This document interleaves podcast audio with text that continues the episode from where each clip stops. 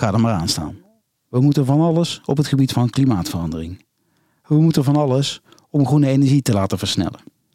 We moeten van alles om van het gas af te gaan. We moeten van alles om onze voetafdruk te verkleinen. En zo is er nog heel veel meer te benoemen en op al die gebieden is er heel veel verandering nodig. En dat terwijl we al decennia gewend zijn om te leven zoals we nu doen. Decennia, generaties misschien zelfs. Dat vraagt dus nogal wat. Dan heb je echt een andere manier van kijken nodig. En het goede nieuws is dat de gast van vandaag ons daar concrete tips voor kan geven. Welkom bij weer een nieuwe aflevering van de Beter Anders podcast. De podcast waarin ik met allerlei mensen in gesprek ga op zoek naar concrete tips voor jou en mij, waarmee wij ofwel beter om kunnen gaan met de aarde, ofwel beter om kunnen gaan met elkaar. Mijn naam is Ludo Ansems, ik ben de host van deze podcast, initiatiefnemer van Stroomversnellers.nu, maar vooral tot op het pot gedreven om deze wereld beter achter te laten. Daarom ga ik met al die mensen in gesprek en vandaag dus met Merlijn Twaalfhoven. Marlijn is oprichter van de Turn Club, waarmee hij kunstenaars aanzet om concrete verhalen te maken hoe een mooiere toekomst eruit zou kunnen zien. En hoe concreter die verhalen zijn namelijk, hoe makkelijker het voor ons wordt om daar naartoe te gaan werken. Het inspireert ons. En zet ons aan tot actie. Daarnaast is hij schrijver van het boek Het is aan ons, ook over het eh, bouwen aan een duurzame toekomst. En hij heeft een aantal onwijs mooie projecten uh, opgezet, waarmee hij ook hele belangrijke verschillen heeft gemaakt op allerlei brandhaarden uh, op deze aarde. Zoals je gewend bent, gaan we in de eerste 10 minuten met name op de tips in die hij voor ons heeft. En daarna is er nog volop ruimte om Merlijn zelf beter te leren kennen. En te horen van wat hij zoal aan ervaring heeft, waar wij weer ons voordeel mee kunnen doen. Ik zou zeggen, geniet van het gesprek en doe wat je kunt.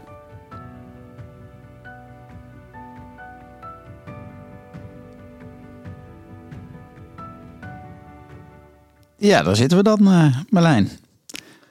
Yes, op leuk jouw, te, uh, te, ontmoeten. Ja, op jouw mooie plekje.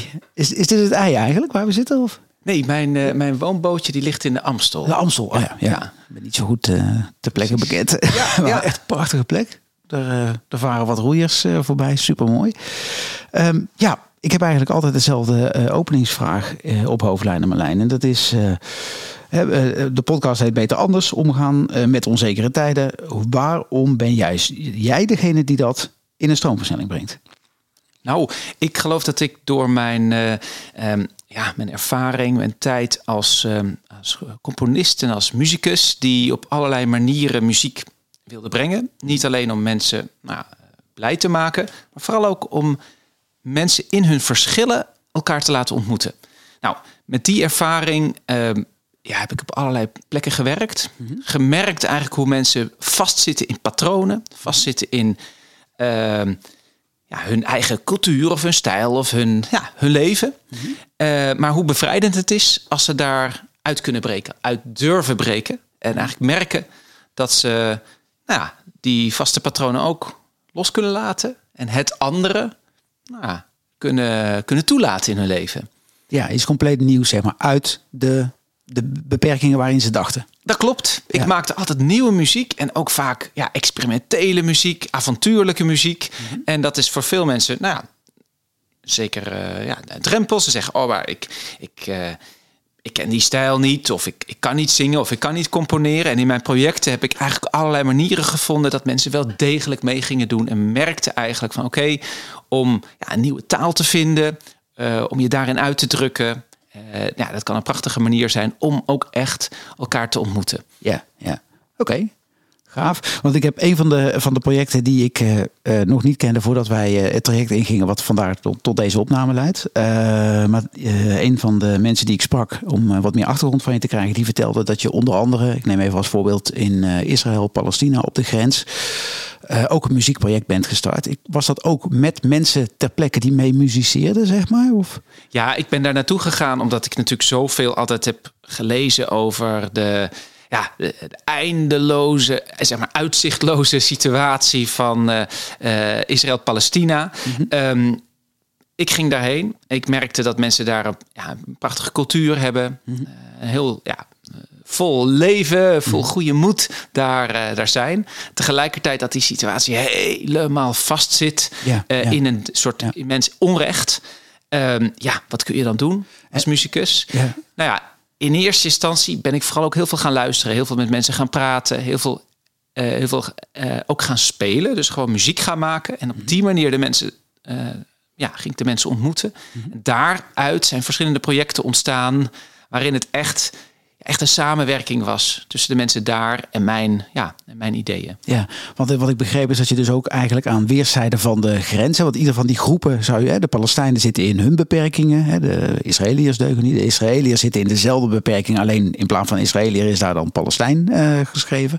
Dus ze, ze, ze treffen elkaar niet. En met jouw project heb je eigenlijk die twee samengebracht, toch? In een gezamenlijke... Nou, ik, ik heb verschillende dingen gedaan. En het eh, was. eh, ik heb eh, ooit eh, ja, gewerkt met een, een jeugdorkest. waarin eh Palestijnse en Israëlische ja, jongeren samen speelden. Eh, maar ik merkte daar ook wel eh, een zekere. Ja, ook wel een, bitterheid. Vooral de mensen die terugkijken op die tijd. Want uiteindelijk gaan die Palestijnen terug naar een leven met heel veel beperkingen. Nou, eh, veel armoede. Eh, en die Israëliërs die hebben het veel beter. Eh, maar vooral ook de Israëlische jongens eh, en meisjes... die gaan allemaal de drie jaar het leger in. Ja. Nou, en daar word je natuurlijk zo helemaal gehersenspoeld. Weet je, Ja, daar ja, in ieder geval word je helemaal doordrongen van dat aspect van eh, Israël als iets eh, wat eh, in, in gevaar verkeert, wat verdedigd moet worden en, enzovoort. Dus om daar met muziek echt iets in te veranderen, nou, dat is natuurlijk heel veel gevraagd, want dat is Ja, zo ja. immens. Dus uiteindelijk ben ik, eh, heb ik eh, verschillende projecten gemaakt waarbij het allerbelangrijkste was: kunnen we plekken, plekken scheppen waarin je jezelf mag zijn, waarin je je eh, twijfels, je kwetsbaarheid kan uiten in een wereld die zo onder druk staat. Ja, precies. En dat Ja, zijn vaak intieme ontmoetingen geweest, waarbij kunst eigenlijk de manier is om een ander aspect van jezelf te laten zien dan normaal van je gevraagd wordt in een samenleving die best wel, ja, best wel heftig is. Prachtig. Ja. Mooi dat het gelukt is. Hey, gezien de tijd, eh, eh, de tips, hè? want eh, ja, daar beginnen we je- altijd mee. Vertel. Ja, je vroeg me drie tips. En toen dacht ik, ja, eigenlijk heel simpel. Ehm, als eerste wil ik zeggen, laat je ontregelen. Want we zitten in zoveel regels vast, zoveel structuren vast, zoveel patronen vast. Nou, die patronen geven houvast, geven veiligheid. Maar eerlijk gezegd, we zijn veilig. Het En ze is zetten je ook vast, oké. hè, regels. Nou ja, ze zetten je ook vast terwijl je moet groeien. om te groeien, om te leven, eh, zijn die patronen, die regels ook soms echt een belemmering. Ja. En voor je het weet, eh, gaan we ja, ons leven. Ja, eh, volgen we die patronen? Hebben we telkens het idee, ja, dit wordt van mij gevraagd. De buitenwereld wil dit van mij. Dit is wat ik nou moet doen, want ik heb verplichtingen. Ik heb dingen beloofd of mensen verwachten dingen van me. Nou, dat zijn patronen waar we wellicht uiteindelijk vreselijk spijt van krijgen. Mag ik die vertalen als stel vooral de vraag: dient de re- deze regel mij en of de wereld nog? Nou, dat is denk ik eh, misschien wel mijn tweede tip. Oh, Eh, sorry. welke vragen kun je je stellen? Oké. Want ten eerste, dat ontregelen, Mhm. dat kan ook heel intuïtief gebeuren natuurlijk. Hè? Laat je ontregelen, laat je van de, van de wijs brengen. Mhm. Laat je in de war brengen door misschien ontmoetingen met mensen die totaal op een andere manier denken. Of situaties waar je normaal niet in terecht komt. Nou, laat dat toe. Die, Mhm. die tweede tip zou inderdaad zijn, stel andere vragen. Want wij stellen heel vaak de vraag van... hey, eh, hoe kunnen we dit probleem oplossen? Of hey, hoe kunnen we dit beter laten functioneren? Of hoe kunnen we dit efficiënter doen? Hoe kan ik mijn werk... Nou, hoe kan ik succesvol zijn? Ehm, maar die andere vragen... Nou ja, dat wil ik niet per se invullen. Maar er zijn natuurlijk hele andere vragen... die ons ook ehm, ja, kunnen laten... Laten we zeggen, kunnen laten helpen om uit te zoomen. Eh, eigenlijk gewoon van waarom in hemelsnaam doen we dit? Of eh, wat is nou de betekenis van mijn rol in het grote geheel? Ja. Eh, weet je, het zijn eigenlijk hele simpele vragen. En toch, hoe simpel ze ook zijn, We gaan eraan voorbij. Ik ga je toch vragen om, want je zegt ik wil het niet invullen. En dat snap ik, hè, want je wil natuurlijk niet dat mensen met een nieuw boodschappenlijstje met weer een vaste set van vragen. Want dan heb je de volgende beperking, misschien iets ruimer dan de huidige, maar nog steeds een beperking. Eigenlijk wil je dat ze opener. Uh, heb je wel wat voorbeelden daarvan? Want ja, uh, uh, ik en een aantal luisteraars, ja, die, we kunnen wel wat bedenken, maar het risico is dat we toch weer in een beperking denken. Dus ja, waar, waar, waar, nou ja, het, het, het, het, is al heel fascinerend om een paar keer vaker waarom te zeggen. Dus uh, als je zegt van hé, hey, we moeten dit probleem oplossen, worden vaak gevraagd hoe gaan we dit probleem oplossen? Mm En als je dan vraagt van oké, okay, uh, fijn, uh, waarom gaan we willen we dit probleem oplossen? Nou, dan komt er vaak best wel een goede reden. Mm. En waarom is dat zo? Waarom is die reden zo? Mm-hmm. En als je dus een aantal keren, misschien nog een keer, nog een keer waarom vraagt, mm-hmm. dan kom je misschien wel bij iets terecht wat veel fundamenteler is. Waarbij we dat hele probleem eigenlijk gewoon los moeten laten. In plaats van op moeten lossen. Um, en dat klinkt een beetje abstract. Mm, nee, nee. Um, maar ik geloof dat dat, um, ja, dat, dat, dat vormen zijn van, ja, van uitzoomen. Een groter plaatje mm-hmm. uh, pakken.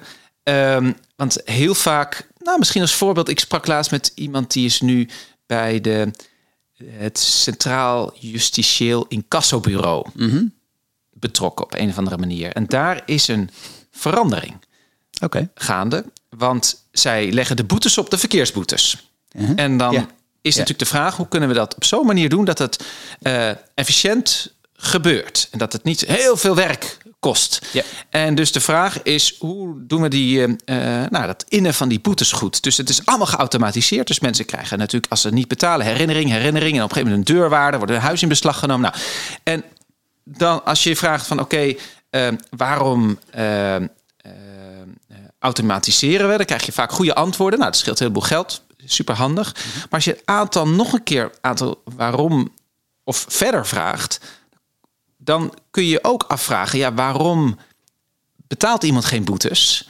En zit er misschien iets achter uh, een probleem, wat misschien best wel waardevol is om dat probleem te signaleren? Ja. En zij zijn dus nu uh, al in een vroeg stadium dat ze merken: hé, hey, de boete wordt niet betaald, we gaan bellen. Dat kost meer tijd, meer, uh, meer werk, maar dan ontstaat er ineens misschien wel een gesprek en dan een inzicht in de situatie van iemand die die parkeerboete niet betaalt, vanwege misschien iets wat er aan de hand is, wat wel degelijk aandacht nodig heeft en wat op de lange duur heel veel problemen scheelt. Want op het moment dat diegene zijn huis kwijt is en dakloos is, nou, dan krijg je natuurlijk een enorm apparaat van hulpverlening en toestanden wat allemaal nodig is. Ja. Nou ja, ik geef het even als voorbeeld. het is iets echt doorvragen, uit je eigen koker kijken en het probleem eigenlijk vergroten in plaats van het probleem willen oplossen. Het probleem. Ja, er zijn twee dingen die, waar ik eh, aan denk op basis van je betoog van, van het CEIB goed nadenken bij die afkorting. Maar uh, de ene is, het klinkt een beetje als een toeslagenaffaire. Waarbij, en daar hoeven we niet verder in te gaan wat mij betreft. Maar dat, maar dat je dus op een gegeven moment, en, en niet eens met de verkeerde reden. Ooit is het bedacht met de beste intenties. Maar uiteindelijk blijkt dus het, het, het, het, uh, de, laten we zeggen, de spiraal waar je instapt en niet meer uitkomt dat is een glijbaan, in één keer tot, tot heel veel ongewenste bijeffecten. En dat is mijn tweede uh, opmerking. Zou niet ook een goede vraag kunnen zijn, wat is het nadeel van de manier, waarop, wat is het grote nadeel van de manier waarop we het op dit moment oplossen? Want als je dat nadeel gaat zien, zie je ook waar het schuurt. Nou, dat kan ook een heel ander soort vraag zijn. Als je mm. zegt van, hé, hey, dit is een, we hebben een oplossing voor dit probleem. Ja. Nou, wat is misschien, uh, ja, waar, hoe, kan het nog beter eigenlijk. Brengt deze oplossing, ja, op welk aspect brengt deze oplossing ons misschien verder van huis? of, uh, Maar goed, het is echt het, het bevragen van de vraag eigenlijk. Ja. ja. Nou ja, dat, dat klinkt een beetje filosofisch, maar het is wel degelijk wat bijvoorbeeld kunstenaars heel erg doen. Ja, ja. Uh, en dat is ook wel heel fascinerend, want kunst heeft in principe geen functie. Het is niet ergens voor, het is gewoon wat het is. Mm -hmm. En daarmee mag het dus ook vragen stellen die niet direct tot iets uh, tastbaars leiden, niet direct tot een oplossing leiden. En daarmee kun je dus hele andere vragen ja, onderzoeken. Ik snap wat je zegt, maar ik snap er ook geen bied van. Ja. Want uh, wat ik snap is dat je zegt het heeft geen functie. Hè? Dat is ook een beetje wat uh, nou, volgens mij de afgelopen 10, 15, misschien wel langer eh, eh, jaren eh, een beetje de moris is geworden rondom kunst. Terwijl als vragen stellen de functie van kunst is, nou, dan vind ik nogal een kunst. Een functie, zeg maar. Ook Ja, gezien jouw ja. tweede tip. Ja, nou dat is denk ik ook het mooie. eh, het feit dat kunst eigenlijk niks hoeft. Dus kunst mag zijn wat het is. Mhm. Eh, dat geeft ons ook tegelijkertijd zoveel eh, rijkdom. Ja, Omdat het leven zou je misschien ook wel kunnen zi- zien als iets wat gewoon zichzelf mag zijn. Het, je Ja. zou het leven aan zich moeten vieren, moeten ervaren, moeten beleven. Terwijl wij zien heel vaak het leven als ja, we leven, want we moeten dit organiseren, Ja, we ja. moeten dit, we moeten nou, in die zin eh, een rol spelen in de samenleving. Ja, ons geld verdienen, want we moeten allemaal leningen afbetalen en noem maar op. Dus we zitten heel erg in het functionele. Alles moet een functie hebben. Dan is het nuttig. Terwijl als we uitzoomen en we ervaren, we, ja, we laten als het ware we, eh, toe dat het leven ook zichzelf mag zijn, dat het in zichzelf waarde heeft. Mhm. Ja, dan, eh, ja, dan staat de hele, ons hele wereldbeeld op zijn kop. ja. Tip 3. Oh ja, ik heb nog tip drie en dat is Ja. eigenlijk doe het niet alleen. Ja. Ik heb in allerlei vormen van idealisme, maar ook in de kunsten, allerlei vormen van creativiteit, altijd gezien dat zodra mensen met verbeeldingskracht bezig zijn, voor- zodra mensen inderdaad andere vragen stellen, is het vaak een heel eigenzinnige weg. Je hebt daar moed voor nodig. Je Ja. gaat je eigen weg. En dat kan ook een enorme valkuil zijn. Want heel vaak En eh, doodeng. nou ja, het is eng. ehm, maar ehm, ook als het je lukt. Dus in mijn geval, mocht ik naar dat conservatorium, mocht ik muziek studeren, mocht ik uiteindelijk componeren, stukken schrijven, eh, orkesten gingen mijn werk spelen. En voor je het weet stond ik ja, in een soort spotlight of op een, nou, laten we zeggen, eh, ik sta op dat podium. Maar kun je jouw verhaal, jouw zoektocht echt verbinden met anderen? Kun je dat samen doen? Dat bleek in mensen ingewikkeld te zijn. Want er is toch een soort cultuur waarin we heel graag iemand ja, belonen, maar ook ja, zeggen: deze persoon kan dit heel goed. Terwijl eigenlijk ben je, ja, de kracht die je hebt is als je mensen verbindt. En als je Ja, dingen ja. uiteindelijk in beweging brengt die groter zijn dan jezelf, maar Mhm. vooral die, die ook niet meer alleen van jezelf zijn. Ja, precies. Dus eigenlijk dat, dat de beweging die je in gang zet, eh, daarna doorgaat zonder jou. Bij wijze van Nou, spreken, zonder dat je per se eruit hoeft te stappen, maar dat Ja. anderen ook bijdragen. Zit er nog een ander aspect aan, vraag ik me af. Want ik, eh, wat mij opvalt eh, al een tijdje, is op het moment dat, je- dat je met een aantal mensen werkt. Ook daar, eh, de creativiteit is soms niet van één persoon, maar juist in de interactie. Ik heb vaak het idee dat, dat zoals in dit gesprek ook, weet je, dat- jij vertelt dingen, er gaan luiken bij mij open, die ik daarvoor ja. nog no- zelf nooit open heb Het gekregen. is nooit van één persoon. Eh, Ja, terwijl wij, het is heerlijk om te zeggen: dit is een auteur van een Ja, boek. Dit, dit is een, een uitspraak van een persoon. Ja. En dan heel vaak hoor je van ja, maar dat heeft hij nooit echt gezegd. Dat zeggen we wel, maar dat eh, is nooit echt van Einstein of van Oscar Wilde. Mm. Ehm, dus ehm, wij vinden het heel mooi om te denken dat dat die ene persoon is die zo speciaal is. Ja. Maar eh, elk creatief iemand haalt zijn ideeën helemaal uit de omgeving Ja, van anderen in een Ja. eindeloze interactie. ja. Dus het is een. Dus eh, eigenlijk is creativiteit misschien meer iets tussen mensen dan iets van één oh, van de precies. mensen. Ja, Oh. dat is denk ik wel. eh, ja. Cool. Eigenlijk wel misschien wel een mooie brug naar de Turnclub. Ehm hè, dat is een van de, van, de, van de zaken die je opgezet hebt. Eh, van een lange lijst eh, die je hebt opgezet. Kun je kort uitleggen wat het is? In jouw woorden. Nou, ehm, voor mij is het een manier om inderdaad uit dat idee van dat kunstenaarschap te stappen en te zeggen: we hebben idealen, Mhm. we hebben een toolbox. Ja. Eh, en laten we dat dan samen zoveel mogelijk delen. Dus die, die, in die idealen vinden we elkaar. Ja. Nou, ja. En nu, als ik met jou spreek, met andere mensen spreek, we delen ongelooflijk veel idealen. Mhm. We willen allemaal een goede wereld. En zeker als we kijken, een wereld voor onze kleinkinderen, Ja. of een wereld gewoon de relatie met de natuur. Mhm. Weet je, er zijn heel veel zaken die we heel graag willen herstellen, waar we voor willen zorgen. Dus er zijn talloze idealen die we delen. ja. Maar goed, spreken we die ook uit? Kunnen we, die, kunnen we daar de woorden voor vinden? En kunnen we dat samen doen? Dus binnen de Turnclub proberen we dat soort idealen ja, uh, in grotere verhalen te vatten. Te kijken van, is dit uh, iets wat we samen delen? Maar dat zijn natuurlijk geen dingen die we. We hebben nooit. En uh, nou, ik schrijf best wel veel teksten, maar het is niet dat we zeggen het manifest of zodat het allemaal mm. vastzit. Het is tegelijkertijd iets wat leeft, wat vloeit, wat, wat zich ontwikkelt. Uh, en voor die ontwikkeling heb je ontmoetingen nodig, samenwerkingen nodig, projecten nodig. Dus we kijken heel erg, kunnen we elkaar ook helpen mm -hmm. bij het, uh, het vinden van echt die concrete stappen mm -hmm. richting dat ideaal. Dus dat we ook echt uh, in beweging zijn. Dat het niet alleen maar theoretisch blijft. Oké, okay, dus de Tunclub is van de ene zijde, uh, de, de binnen de factor is idealen. Uh, het resultaat is dat je daadwerkelijk concrete uh, projecten, resultaten ja, neerzet. Je maakt voortgang. Ja. En de, onze werktuig, onze toolbox als het ware, ja, dat zijn uh, al dat, ja, dat, zeg maar dat repertoire van de kunstenaar. Ja. Tegelijkertijd hoef je geen kunstenaar te zijn om bij de Turnclub te komen. Het gaat, dat je dat zegt, wou ik net vragen. Het gaat echt om een mindset. Ja, ja. Uh, we zijn ook uh, super blij met mensen die bijvoorbeeld vanuit de zorg komen en merken van oké, okay, dat is in het zorgsysteem mm -hmm. loop ik vast. Ja, uh, tegelijkertijd zijn het zorgprofessionals die ook hun passie en nou, daar hun roeping hebben daar. Maar mm -hmm. dankzij de samenwerking met kunstenaars of dankzij het feit dat zij de kunstenaar in zichzelf ook echt de ruimte geven gaat het weer stromen. Kunnen ze weer verder.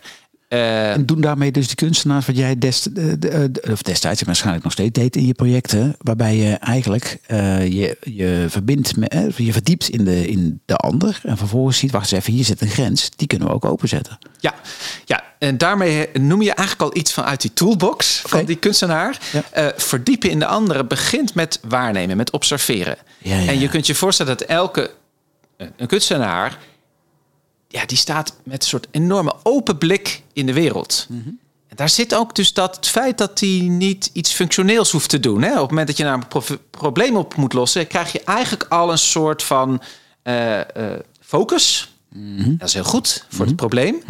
Maar als je dat als een kunstenaar kijkt, dan zie je ineens ga je niet met een focus kijken, ga je juist heel breed kijken en dan ga je kijken, oh, maar dit heeft ermee te maken. En dit zie ik en dit zit erachter. En dit, weet je, je onderzoekt als het ware een situatie.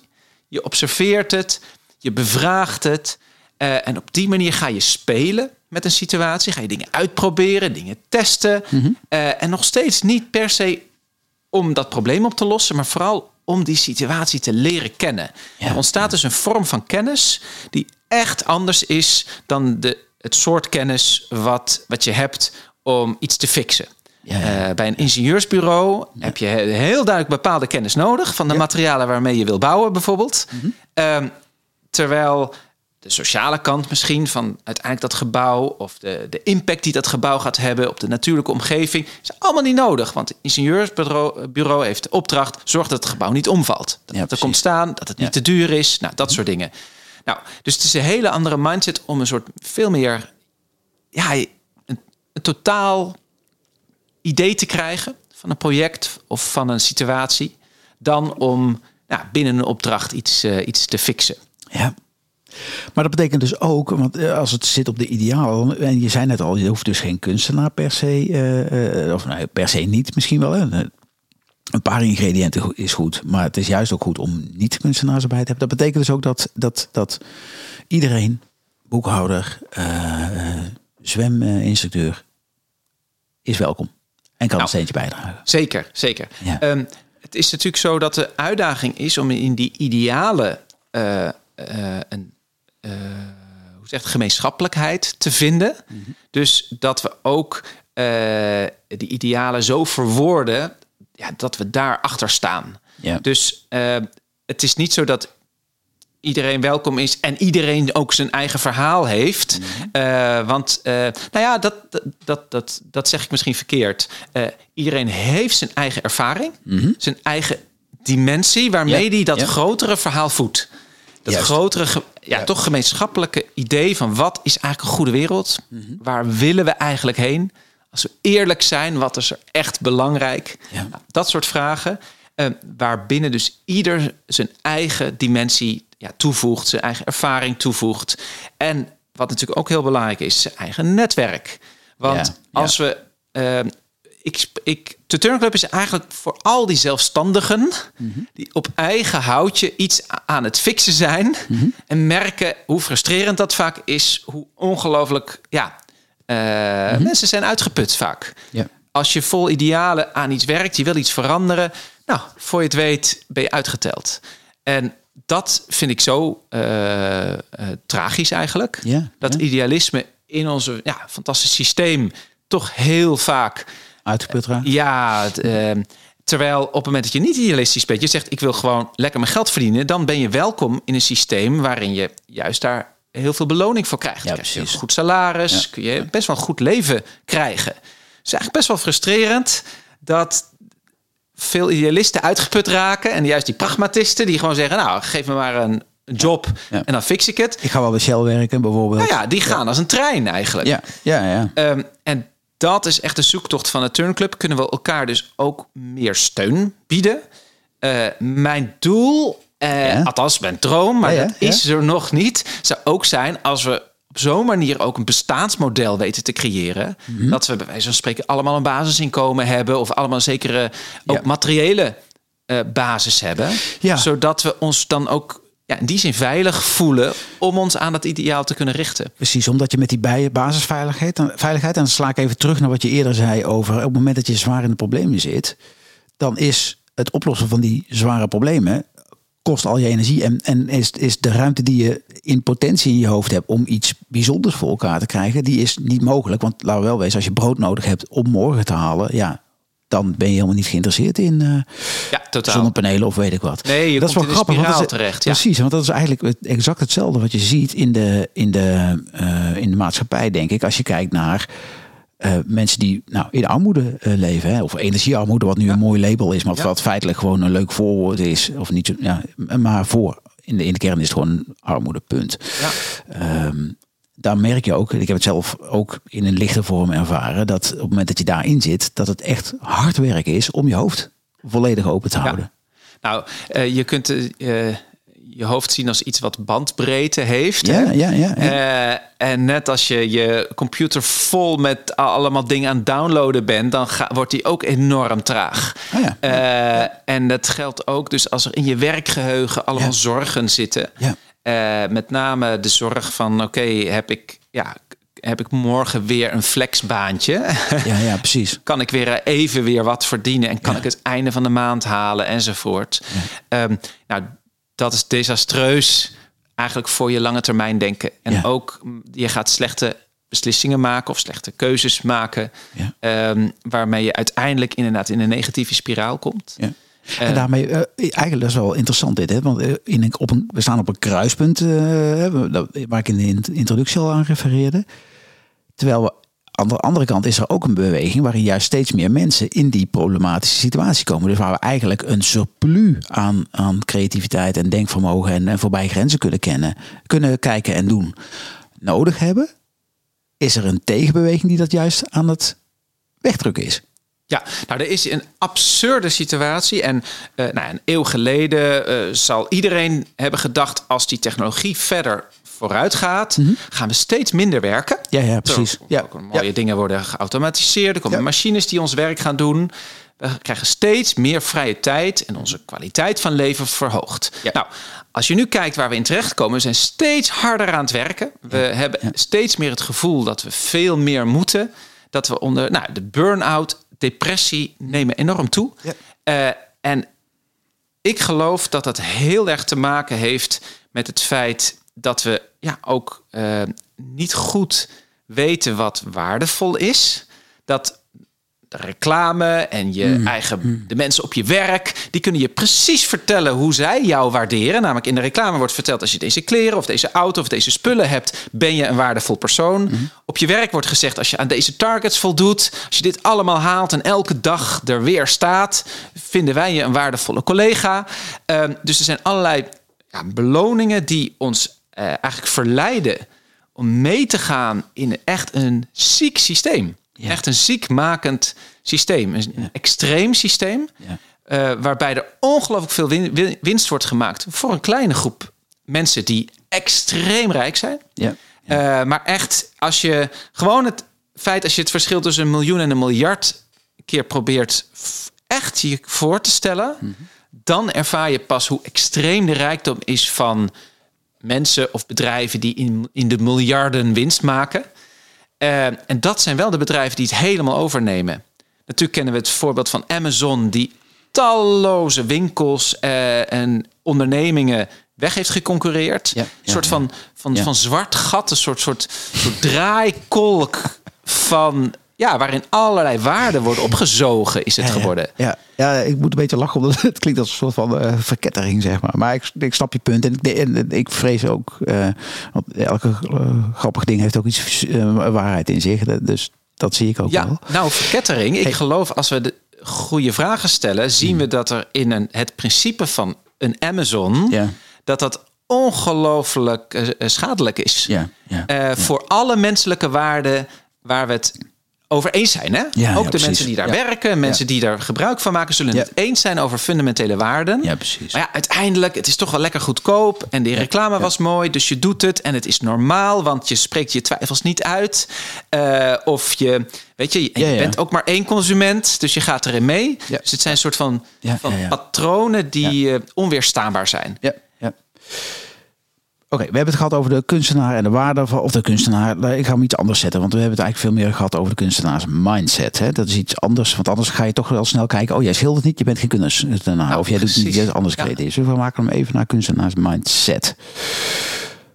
Waar, dat moet er ook zijn, denk ik. Dus de voordelen hebben we uit en na besproken. Er zijn ook nadelen vast. Of er zit ook waarde in de, in de laten we zeggen, de, de wat meer. eh, ik weet niet zo goed hoe- wat het tegenwoord is, zal ik maar zeggen, van kunstenaars mindset. Maar de, de, de, de- van, van, van, de, van Ja, nee, nee, maar dat is misschien... gewoon simpel denken. Laten we het even simpel Ja, je zou kunnen zeggen. specialisatie. Wat is daar het voordeel van? Nou, ik denk... waar, hè, dus waar, waar, zijn, waar schiet de kunstenaar mindset tekort? En zijn dus andere mindsets ook heel erg Ja, die kunstenaars mindset is vreselijk chaotisch. Mhm. Eh, die wil altijd vaak veel te veel dingen tegelijk. Eh, dat heeft ook, idealisme is natuurlijk ook eh, iets waar het heel overweldigend kan zijn. Want als je Mhm. eenmaal gaat voelen dat die goede wereld ah, misschien mogelijk is, hè, of Ja. als je daar een beeld van krijgt van, oh, wat is die goede of die rechtvaardige wereld, of welke, in welke wereld is die schade die wij aan de natuur en aan het dierenrijk aanbrengen, waar, in welke wereld is dat opgelost? Nou, dat is een overweldigende gedachte. Mhm. Ja, Eh, ja. En dat, daar kun je ook enorm van in de war raken. Ja. Er zijn veel mensen die dat toelaten, die ook echt eh, heel somber kunnen worden. Nee, helder. Maar, maar wat is dan wat, wat is het ingrediënt wat, wat van buiten de kunstenaars moet komen? Nou ja, ik- de buitenwereld, daarin is dat specialisme ongelooflijk mooi ontwikkeld. Het Ja, feit dat ja. de mensen heel erg zeggen: dit is mijn focus, dit kan ik goed, ja. hier is mijn taak, dit ga ik fixen vandaag. Ja, ja. Ehm, dat is natuurlijk wel waar die hele wereld fantastisch op draait. Ja, ja. Ehm, en waar we, wat we niet per se hoeven af te schaffen, wat mij betreft. Sterker Want- nog, we kunnen het heel goed blijven benutten. Want als de, de kunstenaar chaotisch is en misschien dan niet altijd de, de, de, de focus heeft om het op te lossen, dan heb je juist in de kruisbestuiving, komen we weer, gaat het elkaar versterken. Ja, dus ik, ik pleit ook heel erg voor eh, nou ja, een soort, eh, hoe zeg je dat, fasen in, eh, je werk. Of fasen in het jaar. Of fasen in nou ja, je project. Waarin je die kunstenaarsmindset heel erg de ruimte geeft in het begin. Ja. Waarbij je dus echt andere Ja, vragen stelt. ja. Je heel erg openstelt voor wat is nou echt de situatie. Vervolgens, en dat zie ik ook als waar kunstenaars goed in zijn... echt ruimte maakt om te spelen en te experimenteren. Dus niet meteen denken, oh, ik heb Ja. een oplossing, ik ga het doen. Ja, ja. Maar maak eens de ruimte. Zorg eens dat je ook dingen kan laten mislukken. Dingen, en in dat mislukken ontdek je nieuwe, onverwachte mogelijkheden. Eh, vervolgens eh, gaan we dingen maken. Moet er echt iets gebeuren. Dat is ook, eh, daar zijn kunstenaars ook goed in. Die zijn in die zin ook, willen ook heel altijd een product maken. Hè? Of dat nou een schilderij of een theatervoorstelling. Ja, of een ja. stuk literatuur is. Dat is echt een maakproces. Maar ja, in dat maakproces is het natuurlijk geweldig om daar natuurlijk ook allerlei vormen van vakmanschap, Ja, vormen van specialisme. En daar komt het samen. Ja, daar kun je heel erg veel in maken. En wat de fout zou zijn, is om eh, die specialist, specialisten uit te sluiten uit dat begin. Ja, precies. Ik heb het gevoel, we moeten samen ook door die Ja, verbeelding heen, Ja, ja. door, door het zoeken heen, door het spelen heen, zodat we samen ook dingen kunnen maken die ook echt eh, deel zijn, ja, waarbij dat idealisme in de genen zit, Ja, ja, ja. helemaal in de kern zit meegenomen. Ja, Oké, helder. Ehm, en, en als nou iemand denkt, eh, ik, iemand anders. Oké, hoe kan ik de, de, de kunstenaar in mezelf weer iets meer wakker kussen? Heb je, heb, je hebt natuurlijk al drie tips gegeven eh, in het, al- in het groot. Maar wat, wat, is, heb je ook een hele kleine tip? Nou, Iets waar het is- iemand bij wijze van spreken een, een maand elke dag of elke week mee aan de Nou, slag je zegt het eigenlijk precies. eh, waar kun je de routine vinden? Waar kun je het momentje vinden in de dag? Ja? Om wat Of in de week? Ja, om of in de maand? Of in het jaar? Nou, in ieder geval, wat kan jouw momentje zijn Ja. Waar, mij, waar, waar je iets mag gaan proberen, testen, spelen, wat ook mag mislukken? Waar je mag klooien, Ja, zo zegt. precies. Klooien. Ja, Eh, ja. Je kunt het ook zien als een, hoekje van de tuin, Ja, ja, waar je wat zaadjes mogen de tijd krijgen om te ontkiemen. Ja. En die zaadjes, je we- eh, weet je, de rest van de tuin staat misschien allemaal, eh, weet ik veel, aardappels en kool en dingen waarvan je weet, daar moet ik van eten. Dus dat mag niet mislukken, dat is mijn oogst. Maar in dit hoekje van de tuin groeien wat gewassen Ja, precies. die, eh, die- ik nog niet ken, die ik gewoon lekker laat, laat, laat, laat uitkomen, waarbij, waar ik door verrast ga- kan gaan worden. Ja. Verkennen, dus eigenlijk voor het experiment. Ik heb wel eens gehoord, hè, stel geen doelen, maar ga gewoon experimenteren. Voor, Nou voor de sake of it. Maar de, de afbakening is onwijs belangrijk. Want Mhm. je kunt zeggen, oh, dat is zo belangrijk eh, dat je eh, nou, creatief in het leven staat. Ja. Maar zorg dat je daar een duidelijke plek voor hebt. Ja. Eh, zodat je het ook weer los kan laten als je Ja, weer ja. gewoon moet zorgen inderdaad voor Ja. de basics. Ehm, en dat hoekje van die tuin, koester dat, maar zorg ook dus dat dat duidelijk is afgebakend. Vandaar voor jezelf zeggen, elke maandagochtend heb ik een bepaald, nou noem het een ritueel. Of elke zaterdagmiddag eh, ga ik hier naartoe. En dan werkt het fantastisch als je het samen doet. Ja. Als je samen een atelier hebt of een werkplaats of een theaterclub. Ja. Waarmee je Ja. gewoon dingen gaat klooien. Eh, maar, maar baken het af. Zet het neer in je agenda. Ja. Hele mooie eh, praktische. En vooral ook de, mooi dat ritme. Dat, dat hoor ik al in meerdere gesprekken terugkomen. Steeds pak, pak een moment. Oké. ehm, je bent vader. Ja, ja. Ja, dat was voor mij heel ontregelend. eh. Ja? Eh, ik bedoel, ik zat, nou ja, je kunt het chaos noemen, maar met die kunstenaars mindset was ik met allerlei projecten altijd bezig. Ook op allerlei plekken ter wereld. Dus was veel op reis. Ehm, en ja, als je ineens eh, eh, vader wordt, dan is er natuurlijk iets wat eh, ja, dat leven helemaal om op zijn kop zet omdat je natuurlijk echt iets te doen hebt op die ene plek. Waar de baby is. waar, je, waar je nodig bent. En waar je, ja, wat in die zin ook niet flexibel is. Je kunt niet zeggen van, oh, deze week sla ik even over. Dus dat gaf eh, voor mij wel een hele andere, ineens een heel, heel ander leven. En ehm, ja, en tegelijkertijd bracht het ook de uitdaging voor mezelf om ook uit te zoomen. Als ik niet achter al die projecten en al die ideeën aan kan lopen, ja, aan kan ja. rennen, Ja. wat kan ik dan echt betekenen in deze tijd op deze aarde? En daarmee dwong het je ook om focus te maken. Wat doe ik wel, wat doe ik niet? Nou, eigenlijk heb ik toen eh, de Turnclub opgericht. Oh, echt? Eh, Oh. Niet direct hoor. Het is Ja, een nee, proces ik, geweest. ik. Want ik was eerst zo in de war en ik moest zo. Ik heb verschillende soort. eh, voordat de Turnclub bestond, heten we Sharing Academy. Hè? De, de, de kunst van het delen. Ja, dat is een aantal jaar heeft dat bestaan. Ehm, maar dat delen heb ik toen gezien als het allerbelangrijkste. Want ik kan het niet meer allemaal zelf Ja, precies. Ja. Niet meer allemaal zelf. Want die projecten, nou ja, je kunt natuurlijk op mijn website zien. Ik heb de, best wel soms absurde dingen. Heel, hele festival, festival in Jeruzalem. eh, eh, in, in Cyprus een heel groot project bij, waar allerlei muzikanten op de daken stonden. Eh, in, in een Roma-ghetto in Slowakije. Dus waar de zigeunerbevolking, de Roma, eh, heel geïsoleerd woont. Daar heb ik met heel- ook een soort festival neergezet. Dat soort best wel eh, heftige projecten waarbij je echt soms dag en nacht mm, ja, moet doorduwen Ja, om het voor elkaar te krijgen. Ja. Nou, dat was gewoon niet meer haalbaar. En Ja, dus je, laat ik zo zeggen, de periode laat ik eens lekker roofbouw op mezelf plegen. Die heb je Ja. gehad. Ja. toen kwam er een kind en toen werd het anders. Maar ik, vervolgens moest ik wel elke nacht eh, eruit. Ja, precies. En, eh, En was ook- niet makkelijk. Ja.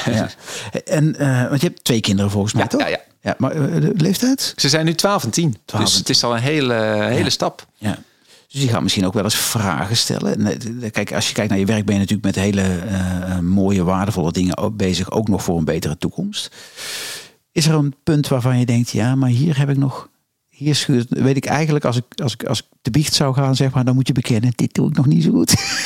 Oh, nou ja, eh, naar mijn kinderen toe bedoel je? Of Nee, in het, eh, om, om, nou, in het algemeen, maar dan specifiek wat meer op eh, hoe gaan we beter, hoe, hoe, hoe borg ik hun toekomst?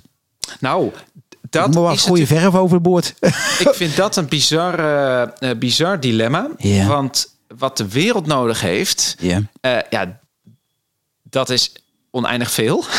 Mhm. en ik zie ook allerlei kansen en mogelijkheden waarin ik iets kan betekenen. Hè? Dus mensen bijeenbrengen, mijn verhaal vertellen, maar ook gewoon ervaringen creëren. Hè? Want uiteindelijk als we iets ervaren, dan komen we een stap verder. Dus Ja. met muziek, maar Ja. met andere zintuigen, ervaringen creëren om mensen toch te verbinden met die grote vragen die er zijn. Ehm, en ja, eh, ben ik dan dus alleen maar van huis? Eh, dat is natuurlijk ook, eh, dat, dat, ja, ook niet oké. Ja. Dus die kinderen die hebben er veel aan. Als ik thuis ben en met hun samen ook hun zoektocht eh, meemaak. En, ehm, tegelijkertijd, ik ben heel dolblij dat er een school is. En dat een deel van die opvoeding tijd, ook Ja. echt door de, de juffen en de meesters gebeurt. eh, om dat dus ook los te laten. Ja. Ehm, maar ja, het voelt wel dat ik bij beide tekort schiet. Want ik ben en moet ik heel vaak nee zeggen bij alle dingen die ik zou willen. eh, of alle aanbiedingen of de Mhm. Ja, dingen ja. die... Want nu, ik heb natuurlijk mijn boek gemaakt en nu eindelijk krijg ik ook allerlei uitnodigingen van wil je over je verhaal vertellen of kun je ons helpen hier en daar en dan denk ik van ja nu is het moment Ja. Eh, terwijl ehm, ja dat is toch te veel dus daar ook daar moet ik nee eh, zeggen Maar is, is er ook iets waarin je denkt, laten we zeggen, iedereen heeft denk ik, eh, je, je vordert en je, je, je, je verlegt je grens met, eh, ik ga minder eh, vlees eten, ik noem maar wat, ik ga meer eh, groen in mijn tuin zetten, ga ze maar door. Wat is, het, wat is de volgende stap waar je op dit moment nog omheen aan het dralen bent, waarvan je eigenlijk weet, je, ergens weet je, joh, dat moet ik gewoon gaan doen. Maar, Nou, ik, ik denk vooral ehm, binnen wat ik nu doe, Ja. dus de Turnclub en al die projecten die daarmee samenhangen, Mhm. Ehm, ben ik zelf, eh, staat het lange termijn denken centraal, Ja. terwijl ik zelf dat nog helemaal niet voor elkaar krijg eigenlijk. Ik ben altijd toch op hele korte termijn allemaal dingen aan het organiseren. Ik, Oh, ben, ik, ik heb op een gegeven moment gedacht, ik ga, nou, weet ik veel, eh, allemaal mensen bij elkaar brengen, een conferentie organiseren, dit. Maar ja, vaak op te korte termijn. En mensen zeggen, ja, ik kan niet. Ja, ja, ja. Eh, en dan loop ik weer enorm te rennen om, om dat toch Mhm. te doen.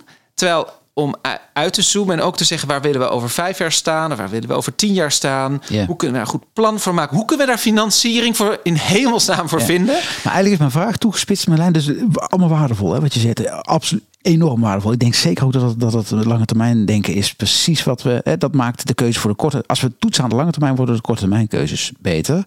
Ehm, dus helemaal eens. Waar ik me heel erg benieuwd naar ben, is wat, wat, wat in jouw gezin van vier...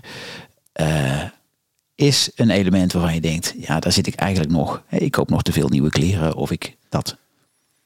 En die zal het niet zijn, weet ik, want daar heb je al iets over gezegd eh, tussen ons. Ah, ja. Nou, dat is wel. eh, ik. Nou ja. ehm, nee, ja, daar zit inderdaad hoe, hoe betrokken kun je zijn. Dus het is vooral de tijd. Oké, oké. Dat, dat zie ik. Maar dat is ook Meer tijd iets- met je kinderen bedoel je dan? nou ja, precies. Ja, Eh, daar zie ik heel duidelijk een behoefte en vraag. Maar het is ook echt complex, omdat die tijd ik ook dus... Ja, eh, Ja. zeg maar, mijn werk Ja. vraagt dat ook. Ja. Eh, en daar voelt het ook echt te weinig. Ik bedoel, ik heb een team van mensen, eh, interessante, enthousiaste mensen. En die laat ik constant in de kou staan. Want ik ben dan weer op pad. En dan zij zitten op ons kantoortje. Eh, en dan toch een beetje zo hé, hey, wacht even. Ja, we hebben elkaar wel echt nodig. En ik ben eh, zeker nu... nou, ben gewoon ja, niet genoeg daar natuurlijk. Ja. Ja. ja. Ja. Oké. Ik ga iemand anders aan het woord laten. Dat is wat later dan ik gemiddeld doe, maar dat is verder helemaal prima. Ehm, want iemand had een vraag. vraag aan je. Want eh, jij hebt natuurlijk heel erg een eh, positief beeld in je hoofd voor de toekomst. eh, wat je ook voren hebt gebracht in de toekomstverkiezing. Vroeg me af of, of jouw visie daarop eerst anders is geweest. Of jij eerst, net als heel veel mensen, dacht van nou, dit gaat helemaal niet goed komen met de wereld. En of wat dat dan heeft veranderd als dat het geval is. Kort graag. Ja, ja, ja. Nou, ik weet toen ik tien was, was ik heel erg veel bezig om Greenpeace te helpen. Want Greenpeace die zette zich in tegen de vervuiling en tegen de dierenleed. Ehm, toen had ik best wel een, in ieder geval een heel beeld van strijd. De wereld was echt goed en kwaad. Ja, ja, ja. waren ja. enorm met elkaar aan het strijden. En nu, ja, ik vind het leuk dat zij het heeft over een positief wereldbeeld. Want ik maak me vreselijke zorgen. Dus eh, ik ben er zeker niet gerust op. Maar ik zie ook dat het vooral heel complexiteit is. Dat we misschien helemaal niet goed of kwaad zijn, maar dat we eigenlijk wel degelijk het goede willen. Eh, alle mensen, hè? Ja, ja. Ergens bevroren diep in Poetin zit iets wat het goede wil. Ehm, weet je, eh, maar om dat los te krijgen uit die systemen waar we in vastzitten, dat zie ik nu als de grote, eh, grote vraag. Zit het dan meer in simpelheid? Als ik je dit hoor Ja, zeggen. he- heel veel zit Alles in veel simpeler maken. Heel veel zit in simpelheid. Ja, Ja, ja. want als we. eh, nou, maar dat betekent dus ook ruimte voor inderdaad simpele vragen zoals: oké, hoe voelt dit? Ja. Is dit wel oké? Wil ik dit wel echt? Nou, weet je, dat soort hele simpele vragen. Ehm, dus ik geloof dat mijn wereldbeeld in het verleden ja, wel echt heel anders was. Ehm, ik geloof niet dat het nu alleen maar eh, positief is. Maar ik zie wel perspectief. Ik zie Ja, wel echt de stappen die er voor ons liggen. Eh, Dankzij toch heel veel, ja, ja, je noemt het ook gewoon studie. Hè? Heel veel proberen te snappen van wow, hoe, hoe zitten die systemen in elkaar? Ehm, ja, en de ervaring zie je op een gegeven moment wel van ja, we kunnen wel degelijk veranderen als, ja, als mensheid. Ja. Oké, simpeler dus. Ehm, mooi antwoord. Ik, ehm, ik heb nog één vraag. Eén of twee eigenlijk, maar één, één andere. En dat is, ehm, wat zou jij nog dolgraag leren kunnen? Want we hebben het natuurlijk over grensverleggen het hele gesprek. Hè, en over nieuwe dingen proberen. Wat is het ding wat jij nog heel graag zou leren kunnen? Ik zie je lachen. Nou, Vertel. Ehm, ja, ik dacht in eerste instantie aan eh, toch het, eh, het, het loslaten van zaken. oh ja? Vreselijk lastig Ja, ja. als je ergens, ja, als je op, zelf ook op een spoor zit en gelooft van, oh, deze kant moeten we op. Ja. Om dat ook los te laten. Misschien herkennen in een vroeg stadium dat een prachtig idee misschien toch niet hoeft gerealiseerd te worden, omdat dat idee niet verkeerd is. Dat idee is vaak heel leuk. Maar ja, je hebt niet de tijd. Het komt, gaat wel weer te kosten van de andere dingen die je doet. Dus het onderscheidingsvermogen tussen datgene wat inderdaad op de lange termijn uiteindelijk ja, het meest betekenisvol is. En die dingen die misschien wel heel, Tof zijn. ja, heel tof zijn. eh, maar wat er toch niet in zit. Ja. Dat vind ik. eh, het rare is dat ik. Eh, het tegendeel bewijst zich ook. Vaak, weet je, nu met jou die afspraak past eigenlijk niet in mijn agenda. Het is eigenlijk gekke werk. Echt, mensen die mij op dit moment aan het mailen zijn, die zeggen. Het is een briljante keuze geweest, Marlijn. Dus complimenten daarvoor. maar uiteindelijk, wellicht is er iemand die hoort ons gesprek. Ja. Die, die, of die, maar, en, eh, die wordt ook weer deel van nou, de beweging waar we samen aan bouwen. Ja. En dus ik heb, heel, ik heb zelden spijt van al die, laten we zeggen, die zijsporen. En al die, al die ontmoetingen en al die ideeën. En in de kern is het ook een zijpaadje wat je af en toe moet inslaan. Hè? Dus zou dat er eentje kunnen zijn? Open vraag hoor. Die, die, die past in wat jij zegt, het experimenteerhoekje in je tuin. Dus dat je Ja, x procent zorgt voor wat er moet gebeuren. En dat je af en toe ook nog even wat experimenteert. ja. Nou, dat was bijvoorbeeld bijzonder aan het toen ik het boek aan het schrijven was. Dan baken je soms echt een paar dagen of een week af en zegt van nu ga ik echt alleen maar aan het boek werken. En dat is ook wel wat ik heel graag uh, uh, ja, erin wil houden. Die afbakening van die ruimte, dat ook de telefoon uitstaat, de, uh, de e-mail uitstaat. Um, en dat is me al lang niet gelukt. Hmm. Dus daar, uh, daar moet ik wel echt. Uh, dat wordt, daar wordt tijd voor. Ja, zeker. Ja, ja. Daar ga je mee experimenteren, dus. Ja, ja nee, daar ga, daar ga ik voor. Hou me eraan. Oh, dat wil ik heel graag doen. Ja. Um, daar gaan we het zo dan na, na dit uh, gesprek over hebben. Um, joh, gezien de tijd, we, we, moeten. Ik vind het jammer. we yes. ongeveer naar een afronding. Ehm, Laatste vraag uh, is de muziekkeuze. Je hebt een muziekkeuze doorgegeven aan me, maar je mag hem zelf vertellen. Uh, ja. Voor de playlist uh, moet ik even toelichten ja. voor degene die de eerste keer luistert. De, we hebben ook een, een, een, playlist. Ik kan hem niet in de uitzending, want het kost bakken met geld. maar een playlist waar elke gast het nummer in doneert, zal ik maar zeggen, of opzet, wat staat voor waar hij voor staat en gaat. Ja, Jouw keuze is? Wat vreselijk lastig, want ja. ah, nou ja, zoveel bijzondere muziek, maar toen dacht ik ineens gewoon ook aan het gevoel van ruimte, uh, de natuur, uh, de zee. Uh, en een zangeres uit de Faroe-eilanden, dus richting IJsland, ergens helemaal midden in de, in de oceaan liggen de Faroe-eilanden. Zij heet Iver Palsdottir.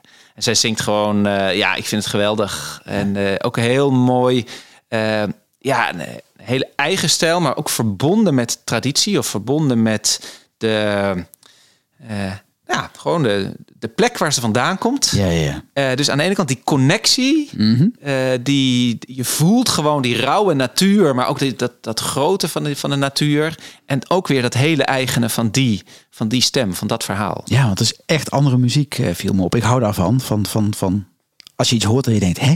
Oeh, dat kan ook. Yes. Dat, ja, tof. Dat is ongeveer waar je voor staat ook, dus dat, dat klopt wel. Afronding. Ik heb uh, drie mensen gebeld, zoals je uh, weet, uh, en gesproken. En die hebben allemaal nog een slotboodschap voor je. En we beginnen met Floor. Floor. Hadi Marleen, hier is Floor Ziegler met een compliment voor jou. Heel erg leuk om die aan jou te geven. En ik zou er wel ook wel honderd kunnen bedenken. Maar deze keer wil ik jou vooral een compliment geven. omdat ik het ongelooflijk waardeer en um, indrukwekkend vind hoe jij elke keer maar weer doorgaat. Op de momenten dat wij wereldverbeteraars denken, nou, uh, we geven het op, zie ik toch altijd jou maar weer op LinkedIn of op, op, op optredens of in de wandelgangen.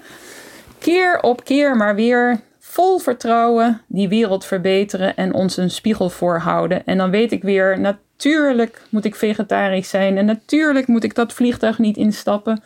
En natuurlijk moeten we de mensen in Oekraïne helpen.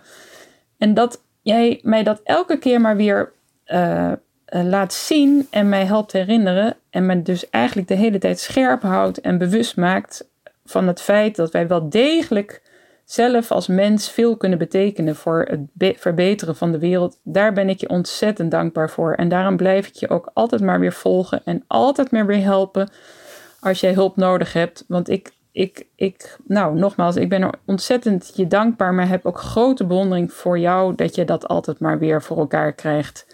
Dat je die energie hebt en gewoon niet stopt. Dus ga door alsjeblieft Marlijn, want je bent onze grote inspirator. En als jij het opgeeft, nou dan weet ik ook niet of ik het nog uh, volhoud in deze toch wel hele moeilijke wereld. Ontzettend veel dank en ga zo door Marlijn. Dank je wel.